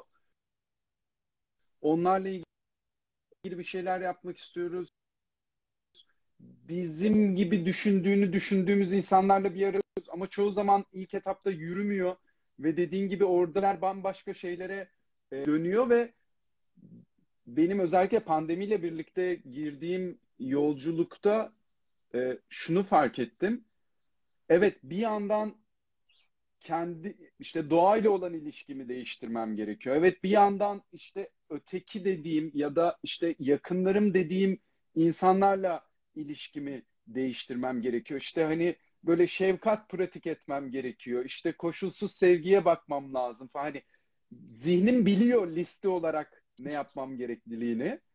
Ama bunun pratiğe dönüşebilmesi için yani bende vücut bulabilmesini sağlayan en önemli e, şey benim yolculuğumda aslında hali hazırdaki belli kadim bilgelikleri, belli yolculukları, belli kitapları okumaktan geçti. Yani gerçekten hani o dikkatini, odağını kendi önceliklerinle, kendi ihtiyaçlarınla yönlendirebilmekten geçti ve bir yandan da hani ilk önce o kendimle olan hani ben, ben bu zihni, bu bedeni besliyorum. Daha sonra da gerçekten çok iyi çemberlerde, çok iyi sohbetlerde e, bana şahitlik eden, ee, bana gerçekten yani hani sen şu an bunu böyle diyorsun ama bu böyle değil arkadaşım. Hani bunu söyleyebilen e, ve bunu e, benim iyiliğim için söyleyebilen Hı-hı. şahitler e, çok çok kıymetliydi. Yani aslında o hani o tribe dediğimiz şey e, hani bir araya geldik bir köy kuruyoruz ya da bir araya geldik bir şey kuruyoruz olmak zorunda da değil aslında. Hani bir arada bir şekilde sizin iyiliğinizi önemseyen, sizin yolculuğunuzun e, kıymetinde olan, farkında olan, takibinde olan bir grup insan aslında. Hani çok da böyle misyon yüklemeye de gerek yok bu insanlara, bu birlikteliğe. Hı-hı. Belki yani işte e, iki haftalık, üç haftalık bir çember yolculuğu da olabilir. O birlikte öğrenme yolculukları da e, olabilir. Ve aslında Hı-hı. ben kendim kendimi iyileştirdiğim ölçekte başkalarıyla e, ilişki kurabilir ve ondan sonra bir dakika şimdi benim başka ne yapabilirim gibi bir yere geldiğimi görüyorum. Yani aslında biraz böyle hani o e, ve biraz da şunlara da çok düştüm aslında. Bu 21 günlük yolculuklar falan tembellik böyle. Evet şimdi ne yapıyoruz? ya da işte varoluş süreci 10 hafta. E, ve de böyle bir arada. Çünkü onlar bana böyle yeni nesil oyunlar gibi geliyor. Birlikte oynadığımız. E, ve de hani somut çıktı olarak sonunda şöyle bir proje yapacağız. Şöyle bir başarıya ulaşacağız değil. Hani ucu açık birlikte deneyimlere e, çıkmak. Böyle hani sence e, yine senin deneyiminden böyle bir 21 günlük onarım çağına uyumlanma ya da onarım çağına giriş yolculuğu yapacak olsak böyle takvimiyle hmm. beraber e, hani bir sabah nasıl başlar içinde neler olur e, hani o pratiğin içerisinde ya, yalnız olmayan bir çemberden bahsediyoruz değil mi? Bir grup insanın beraber yaptığı. Evet, aynen, aynen. Birilerini ikna ediyoruz ve diyoruz ki yani bu böyle çok uzaktaki bir arkadaşımız olabilir, komşumuz olabilir, iş arkadaşımız olabilir. Birilerini ikna ediyoruz ve diyoruz ki ya hadi gel onarım çağı diye bir şey var. Ee, ama hani bir şeye başlamadan önce bu onarım çağının böyle 21 günlük bir hani onboarding'i var. Böyle bir giriş e, yolculuğu var. İçinde ne olurdu? Abi şarjım yüzde bire düştü ve şimdi şarja taktım. Umarım telefonum çünkü çok dandik e, şey yapmaz. Yani şarjlı olmasına rağmen kapanabilir. Öyle olursa çok özür dileyeceğim hepinizden ama e, yani bizim aslında bu Regenhive dediğimiz İngilizce yani onarım kovanı, Türkçe'de onarım onarıcı şey onarım akademisi de diyoruz. E, yer ge- geliyor aklıma bir defa. Yani öyle bir yer. Mesela şu anda benim bulunduğum bu sene e, bir yandan fiziksel olarak da işte 120 civarında keçiyi her gün ormanda otlattığım e, beraber e, bir nevi çobanlık, yani bir nevi değil çobanlık yaptığımız ortam da öyle bir ortam. E, orada ben şöyle bir günden bahsederim. Sabah işte sabah kendiliğinden uyanılan bir gün bir defa. Yani kendiliğinden uyanılmakta kastım mesela işte saat 8'de kahvaltı yapıyoruz falan değil yani. Kim ne zaman kaç nasıl kalkıyorsa ilk gün hele hele kalkar. Ee, ve yapılması gereken şeylerin ya da yapılmasında hayır olduğunu düşünülen şeylerin tamamen kendi kendine organize ettiği bir grup. Yani yemek var ve gidiyorlar yemek yiyorlar değil. Mesela birileri yemek yapmak istiyorsa yapsınlar. Başkası o yemek için odun kesmek gerektiğini düşünüyorsa gelip keserler falan. Böyle bayağı aslında o anlamda self-organized dedikleri, kendi kendini organize eden bir topluluk ve hayatta olma yani işte kalkıp sobada yemeği hazırlama falan filan e, pratiğiyle başlar. Ardından yine herkesin kendi o günkü ihtiyaçlarına, isteklerine ya da ben şu insanla bir şey yapayım falan filan şeylerine göre e, bir grup gider e, işte mesela hayvanları güder. Yani işte bizim bahsettiğimiz onarıcı tarım prensipleriyle bütüncül planlı otlatma e, şeyleri, e, prensipleri içerisinde birkaç kişi beraber. E, birkaç kişi gider e, işte ne bileyim ağaç ya da dal toplar, keser, getirir vesaire. E, birkaç kişi o sırada bunu işte aa onlar oraya gitti ben de yemek hazırlayayım falan bunu yemek hazırlamaya başlar. Oradan birisi işte eline bir gitar alır, e, müzik yapmaya başlar falan. Yani bayağı aslında programsız bir varoluş haliyle başlar. E, her akşam da e, bir araya gelinir ateş başında ya da bir araya gelmek de zorunda değil bu arada. Belki birileri kenarda köşede çekilmek ister. Ve işte muhabbet edilir, yemek yenir, konuşulur. Ee, sen bir şey anlatırsın, o bana ben de bir şey düşündürtür, ben ona bir cevap veririm. Sonra yarın ne yapacağımız üzerine birileri hayaller kurar falan. Yani böyle te, kendi bu şekilde tekrardan 21 gün geliyor aklıma. Neden? Ee, çünkü Yani o hayatın ya da o döngünün içinde başkalarıyla birlikte böyle bir döngünün içinde olmak zaten o onarım çağı dediğimiz yere doğru kendiliğinden götürüyormuş. Yani biraz maya şeyi. Yani birazcık bir maya atınca o böyle hamurun tamamını şey yapıyor ya. Yani o toplulukta bu yöne doğru bakan ya da bunun mümkünatını gören birileri bile varsa ki eminim olacaktır.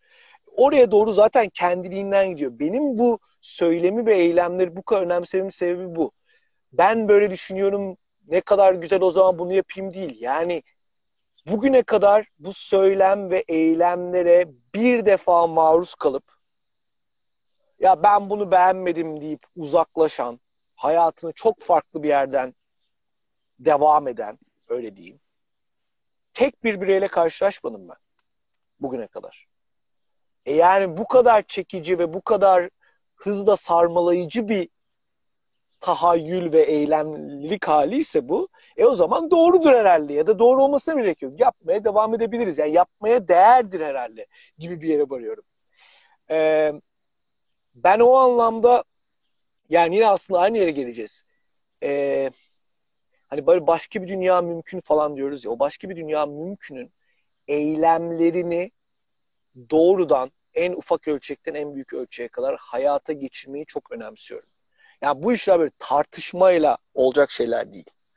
Bu, bu işler konuşarak çünkü konuştuğumuz zaman söylediklerimiz kendi deneyimlerimizle sınırlı. O tartışmaların içine eylemi koy, koymak lazım. Ee, ve bunu yaparken de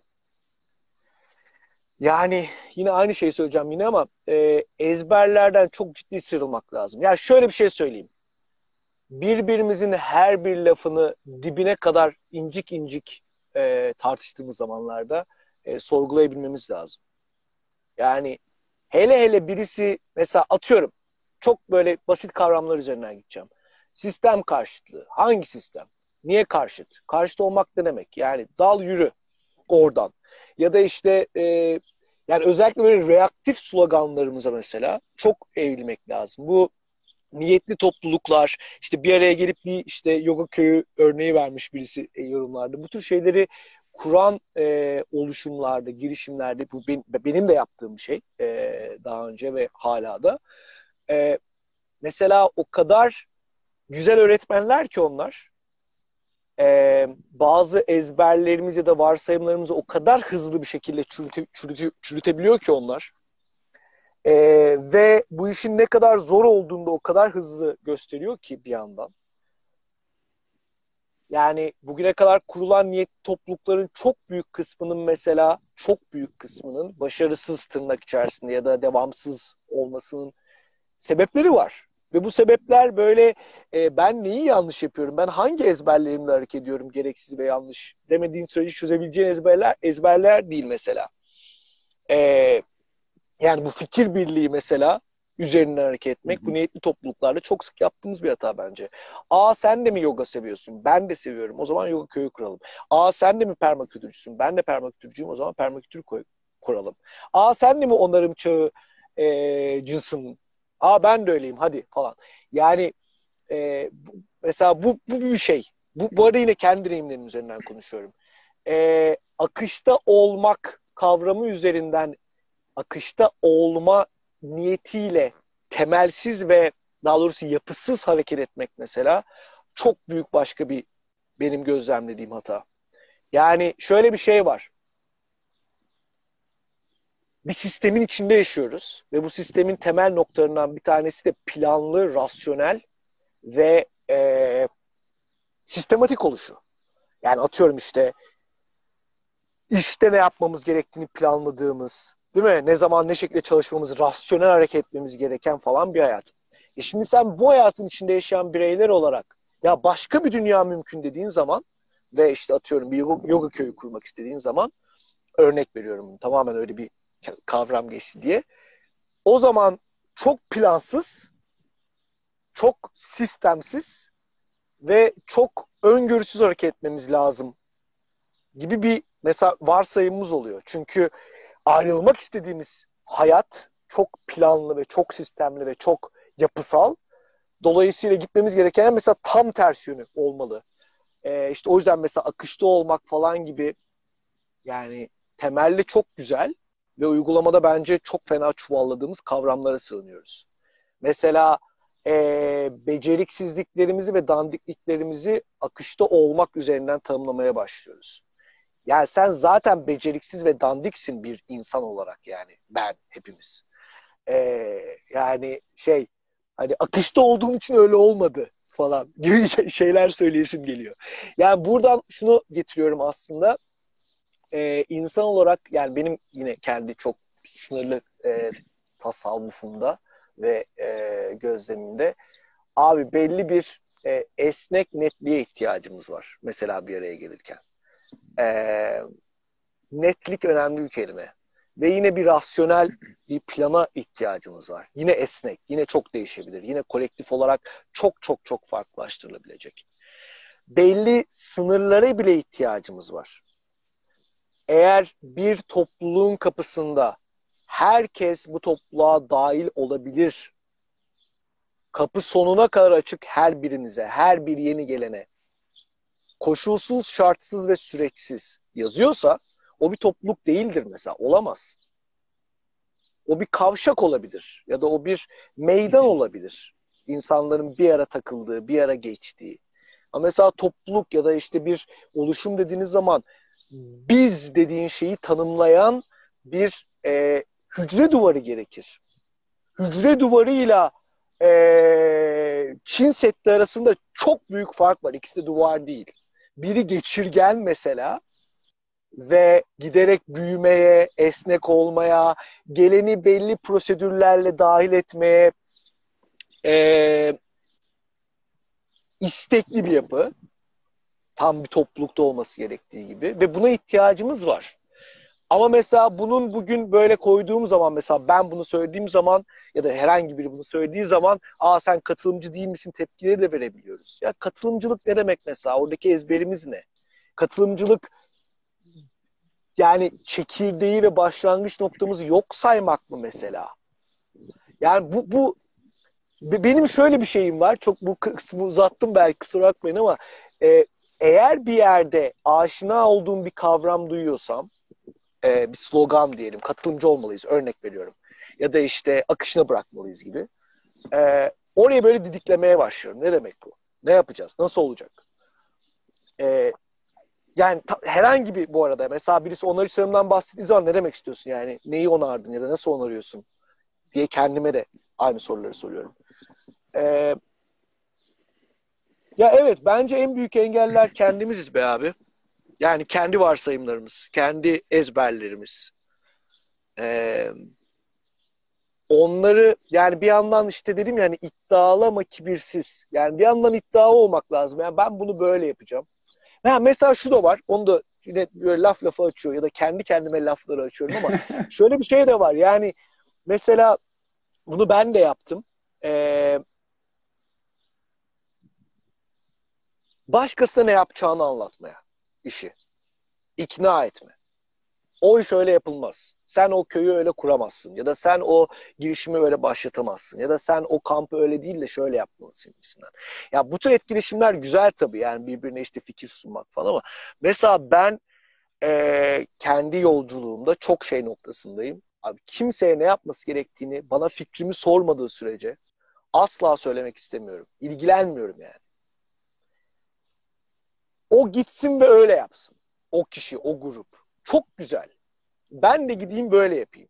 Yani iddialıdan biraz kastım o.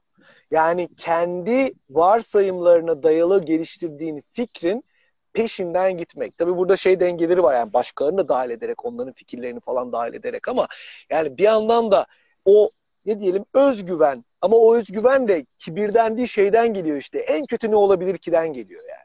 Beklentisizliğin mümkün kıldığı bir özgüvenden bahsediyorum kendine ben bunu her ihtimalle başarırım dan değil de beklentisizliğin e, mümkün kıldığı bir özgüven. Öyle olduğu zaman sen çok farklı bir kabile kurmaya çalışıyorsun. Ben çok farklı yollarla ve bu müthiş bir şey. Çünkü e, en iyi ihtimalle ikimiz de tırnak içinde güzel bir yol kat edeceğiz, başarılı olacağız ve birbirimizden çok şey öğreneceğiz. En kötü ihtimalle ikimiz de becerisiz, e, başarısız olacağız. Yine çok şey öğreneceğiz ki bu da çok güzel bir ihtimal. E, ama en azından iki ihtimali de beraber kolektif olarak keşfetmiş olacağız. Yani Kesinlikle. o anlamda birbirimize böyle akıllar vermek yerine yani zaten birbirimizin aklıyla ortak bir şey yaratmaya niyetli olduğumuz, o enerjiyi hissettiğimiz üç kişiysek üç kişi, o üç kişinin eyleme geçip bir şeyler yapması ve beklentisiz yapması ve sürekli ben bunun dansı daha iyi yapabilirim gözüyle etrafa bakma, öğrenme haliyle yapması. Yani mesela onarım çağı dediğin şey bence budur. O keşfetme sürecidir. O keşfetme sürecini ne kadar hızlı ve sağlıklı ve keyifli yaparsak hem bireysel hem sistemsel modda o kadar hızlı gerçekleşecek. Ve o kadar keyifli gerçekleşecek. Bilmiyorum Kesinlikle. çok mu böyle e, yo, yo. alakasız yerlere girdim. yo süper. Yani tam aslında dediğin bu e, hani aynı düşünme üzerinden ya da kendi düşündüğünü başkasına e, empoze etmeye çalışma eforundan ziyade aslında biraz o doğadaki doğayı yine hani şeylerde yorumlarda da geldi. Hani doğayı iyileştirmek haddimize mi? Doğayı onarmak haddimize mi? Aslında onarım çağının e, bendeki karşılığı biraz o doğadan öğrenmeyle de çok alakalı. Yani hmm. hani gerçekten baktığımızda hani doğada sürdürülebilirlik diye bir şey yok aslında. Yani doğa onarım üzerinden ilerleyen e, sürdürülebilirlik bizim ekonomiden baktığımız yerden konuştuğumuz bir şeydi ve ve aslında o farklılıklar üzerinden ilerlemek, farklılıkların uyumu içerisinde e, ilerlemek ve burada baktığımda bir yandan da bizim e, dediğin gibi o çok farklı çabaları hani bir dakika bunu öyle yapsın, o öyle yapsın değil de hani biz birlikte ne yapıyoruz ve kişisel deneyimim yine biz burada e, 2021'de geçen yazki orman yangınlarında böyle bir sivil inisiyatif oluştu kendiliğinden ve yatay hiyerarşide e, hareket eden e, hiyerarşisiz bir organizasyon kurmaya çalışıyoruz ve e, aslında en çok zorlandığım eski öğrenimlerimiz, eski ezberlerimiz. Yani bir, hemen böyle bir yere bir noktaya geldiğimizde hemen birine bakmak istiyoruz. Mesela biri karar versin istiyoruz. Yani ama aslında ve zaman içerisinde şunu e, gözlemledim. E, hep önceden böyle o mu bu mu? Yani işte ya çok özgüvenli e, olacaksın ama işte o sana kibir getirecek ya da hani böyle ama baktığımda şu an gördüğüm şey aslında o tansiyonları yönetmek. Yani hani bir yandan çok otonom hareket ederken bir yandan da içinde bulunduğun bağlamın çok farkında olup o ortaklığı sağlamak. Hani bir anda bir organizasyon aslında merkeziyetsiz bir şekilde hareket ederken bir anda uyum içerisinde hareket etmeye başlıyor. Eyvallah. Yani evet. ve de aslında hani tam o böyle bir yelken analojisi, denizci analojisi bana çok e, uygun geliyor burada. Hani o mürettebat olma hali. Yani ve o aslında bu tansiyonlar da o yelken yelkenimizi dolduran rüzgar. Yani bu tansiyonlar, bu kutuplar, bu yönettiğimiz polaritiler aslında hareket etmemizi sağlayan ve de o mürettebat olarak da hepimizin burada farklı bir görevi var. Yani kaptanın da farklı bir görevi var, Hı-hı. onun da var, bunun da var ve bunun içerisinde bir uyum e, hali e, yakalamak gibi geliyor. E, abi, abi yüzden... çok çok güzel bir şey anlatıyorsun yani gerçekten. E, yani burada mesela böyle o roller falan yani bir, bir sürü yere gidebilir buradan bu muhabbet hakikaten. Şeyi düşündüm mesela e, ben bu bahsettiğin yatar hiyerarşisiz ya da hiyerarşisiz dediğin e, girişimde, oluşumda bu arada ne demek istediğini bilmeden söylüyorum. Yani sırf o kelime üzerinden ilerleyecek olsam mesela ben var olmak istemezdim. Çünkü ben ona inanmıyorum. Ama bir o kadar da senin onu yapmanı ve denemeni istiyorum. Ki ee, ben de öğreneyim. Neyin olabileceğini, nasıl olabileceğini. Yani mesela böyle bir e, samimiyet ve dürüstlükten de bahsediyorum. Ben, benim baktığım yerde en azından birbirimize karşı. Ya şu iki cümle birbiriyle çok uyumlu ve çok beraber olabilecek cümleler. Bir, ben yokum. Yani bir yandan ben bunda bu şekilde var olmak istemiyorum. Hayatım bu noktasında vaktim yok ya da enerjim yok ya da o, o fikre o şekilde inanmıyorum diyelim. Ve iki, nasıl sana hizmet edebilirim? Yani bu fikre nasıl hizmet edebilirim? Çünkü burada aslında bir şey var. Sen yani bu örnekte sen bir sorumluluk alıyorsun. Diyorsun ki ben böyle bir şey başlatacağım. Sen ve birileri. Ve ben de çok net yani daha doğrusu beraber bir net resim çiziyoruz. Bak Durukan bu sorumluluğu almıyor. Yani böyle şey vardır ya birbirimize sürekli aa işte ben senin arkandayım ya da ben ben yani beraber yaparız. E tabi destek olurum ben de falan. Yok abi ben e, sorumlu kalmıyorum. Ben bu işin parçası olmayacağım. Ama bir yandan da sana nasıl hizmet edebilirim? Sana ne verebilirim? Nasıl senin işini kolaylaştırabilirim? Dile benden ne dilersen. Bu iki cümle mesela çok birlikte var olabilecek cümleler ve var olması da gereken cümleler. Yani biraz böyle bazen kendimizi de eğiliyoruz ve kandırıyoruz. Herkes her şeyde e, sanki beraber hareket edecekmiş ya da etmesini bekliyormuşuz gibi bir yere de gidiyor. Yok yani öyle bir şey değil bu. E, birbiriyle e, güzel simbiyotik ilişkiler kuran, otonom hareket eden e, yapılar, oluşumlar, hareketler, eylemler kurmaktan bahsediyoruz. Benim için çok basit bir soru vardır mesela. Bir işin lideri yani sorumlusu ve hizmetkarı ya da liderleri gece yatağa girerken o konu, o iş hakkında dertlenen insanlardır. Ya bu kadar basit. Onun dışındaki tüm tartışmalar ben de çok istiyorum ya da ben de çok istekliyim ya da ben de çok bunlar hepsi böyle başka bir şey yani. Gece yatağa girerken o konu hakkında kim dertleniyorsa o işin e, ne diyelim götürücüsü o an için e, odur yani. E, mesela bu netlik benim işimi çok kolaylaştırıyor. Yani böyle mesela onarım çağı derken biraz e, e, benim gözlemim kadarıyla en azından böyle biraz bir netsizlikten beslenmeye çalışma ya da netsizlik her şeyi böyle bir hold halinde böyle bir e, e, askıda bırakma hiçbir şey kaybetmeyeyim. Daha doğrusu hiçbir şey tam olmasın falan. Mesela onun da ötesine geçebilmek. Bilmiyorum burada biraz yine e, fazla soyuta kaçtığımı veya düşünüyorum ama e, yani aslında bir şey yapmak istiyorsun. Yürü yap abi. Ve yani nasıl sana destek olabiliriz soralım biz.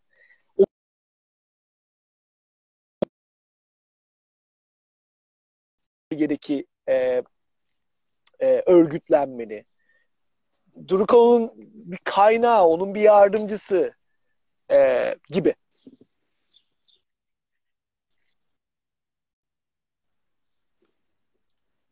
Kesinlikle. Süper. Ee, Duruk yarım saat hani bir saat denmişti ama e, bir buçuk saat oldu. Ee, yani daha da akarız aslında. Senin programını da bozmak istemiyorum. Ee, buradan böyle bir son kapanışa e, geçmek istiyorum yavaş yavaş. Hmm. Ee, çok tatlı ve hani birkaç versiyonunu da daha farklı katmanlarını da ayrı ayrı sohbet etmek istediğim de bir e, yer. E, özellikle hakikaten yani senin biraz bu birey e, hikayende e, senin dönüşüm yolculuğunda bu onarım çağının e, yani hakikaten böyle tüm her şeyi bırakıp duyar duymaz böyle hani biraz doğruluğunu kontrol edip kendini adadığın bir şeye dönüşmüş durumda aslında tüm, tüm hayatın, hmm. yaşadığın yer, yaptığın iş. E, burada sana bu inancı sağlayan, yani bu onarım çağının sendeki bu inancı ve her şeyi olayım ya her şeyi koyuyorum ma getiren e, birkaç özelliğinden bahsederek hani ve de işte senin bu atölyeye de henüz izlemeyenler varsa gerçekten aslında hani burada konuştuğumuz birçok soyut kavramı e, tam olarak ayağını yere bastıran e, çok iyi akan bir e, atölye, bir e, platformu içerisinde onarım çağı atölyesi. E, bu sohbetten keyif alanları da oraya yönlendirmek istiyorum. E, hani hem atölyeden hem de bu onarım çağının seni hmm. ikna ettiği yerden biraz bahsederek kapatalım mı? Abi eyvallah yani e, ya her şeyi vazgeçtim ve kendimi büyük bir fedakarlıkla buraya adadım demeye dilim varmıyor. Yani sanki böyle biraz e, çok dürüst olmayan ya da çok doğru olmayan çok fazla böyle e, çilekeş bir laf edecek et, etmiş olacakmışım gibi geliyor. Bir defa oradan başlayabilirim. Çünkü ya evet o dönemde ve hala oldukça cesur denebilecek olgusu olarak adımlar attık. Yani büyük riskler aldık görece e, hayatımızda. Yani şöyle söyleyelim hani o, o dönemde hele bütün bu işte kırsala gidiş, gıda meseleleri falan bunların hiç böyle pek esamesinin okunmadığı dönemden bahsediyorum. 10 12 sene önce falan.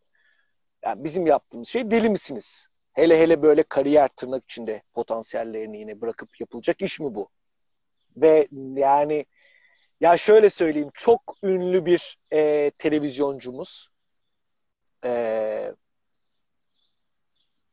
benle tam o gitmeden önce görüş görüştük. Yani çağırdı bir şekilde bir tanıdık üzerinden ve beni işte bir programının e, işte sunucusu ve işte sağ kolu vesaire yapmak istedi.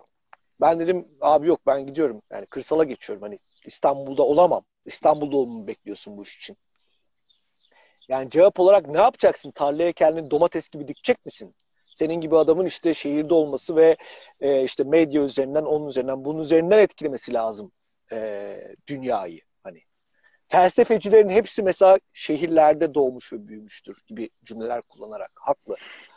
Yani öyle bir çağda böyle çok hani bir, bir yandan karanlığa atladık ama yani benim onu yapmamı sağlayan kendi adıma birincisi gençliğimdi.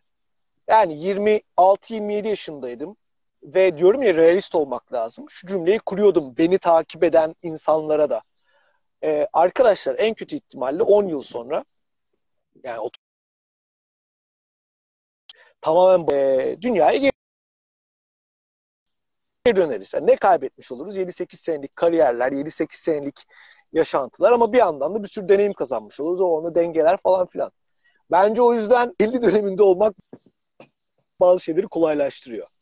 E, bir ikincisi benim zaten 10'lu yaşlarımdan gelen 17 yaşında başlamış bir e, o zamanlar ekoköy kavramını bilmiyordum ama bir e, yeni bir kırsal medeniyet kurma hayalim vardı diyeyim o zamanlardan. Ve bütün bu onarıcı tarım meselesi ona çok güzel uyuyordu. Yani bir anlamda o hayalin nasılını gösteriyordu bana. Onun da çok etkisi oldu. Ee,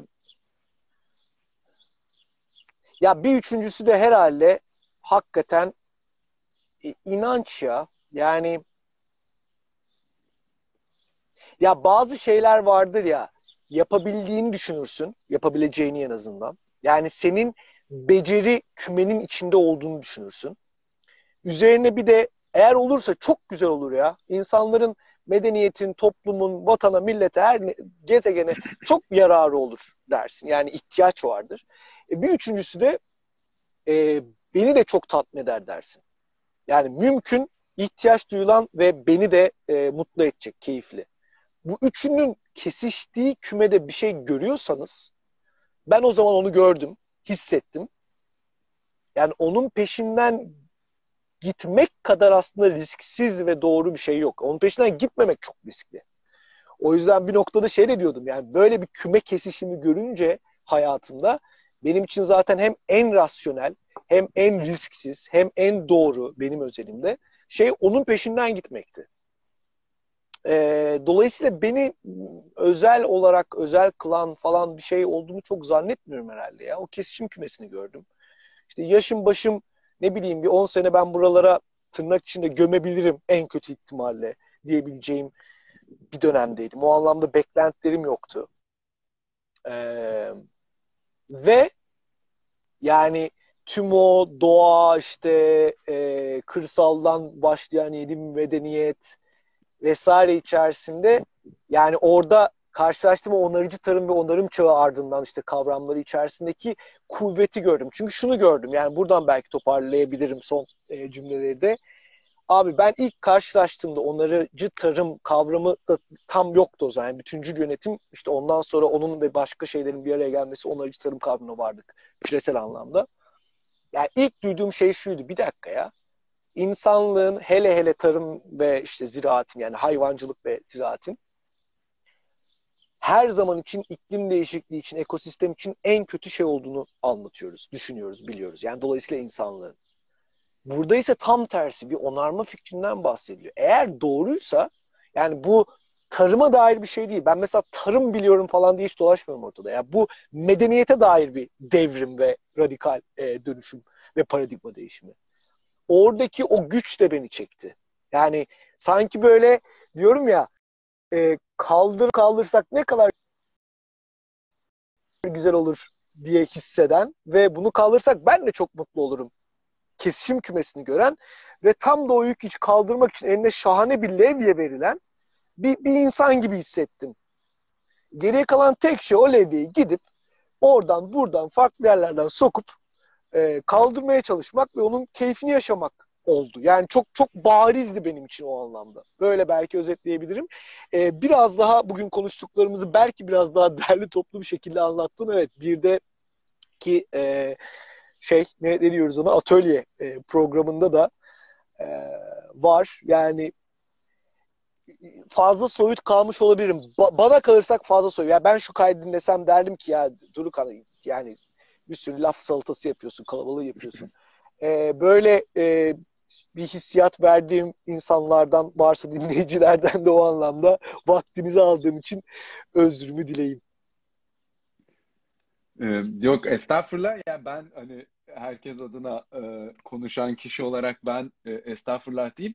Çünkü biraz ilk önce zaten o soyutu biraz daha gezdirmemiz ondan sonra o aksiyona e, geçmemiz gerekliliğini de düşünüyorum ama bir yandan da Durukan belki de bu soyutluk, soyut kalma e, endişemizle ilgili e, devamında böyle daha sot e, birde yolculuklar da e, yapıyorum da hani birdeki yolculuklardan e, yolculuk formatı üzerinde bir yolculuk çıkarabiliriz belki de. Yani gerçekten hani adım adım nereye gidiyoruz, ne yapıyoruz böyle bir e, dijital online'da bir e, yolculuğa çıkabiliriz hep birlikte. Ben şunun çağında e, hani benim en böyle özet ve çok da içselleştirdiğim kısmı aslında hani ilk önce şu an neyin içindeyiz? Yani hem ilk önce birey olarak yani neyin içindeyiz derken böyle makro analizlerden falan da bahsetmiyorum. Yani hani gerçekten benim anamla babamla ilişkim nasıl, en yakınlarımla ilişkim nasıl, kendimle ilişkim nasıl ve de hani şu an beni e, işte avantajlı koşullarım ne, dezavantajlı koşullarım ne, neyse artık o önemli olanlar. İlk önce o durumu bir anlamak ve oradan da buradan nereye gitmek istiyoruz? Yani o insanın en temel sorularından biri ben ne istiyorum? Ee, yani oradaki o nispeten aslında altruistik bir yerden değil de daha bencil bir yerden belki de. Gerçekten ben ne istiyorum? Benim ışığım, benim evet. çağrım, benim duyduğum çağrı nedir'i e, hayal etmek.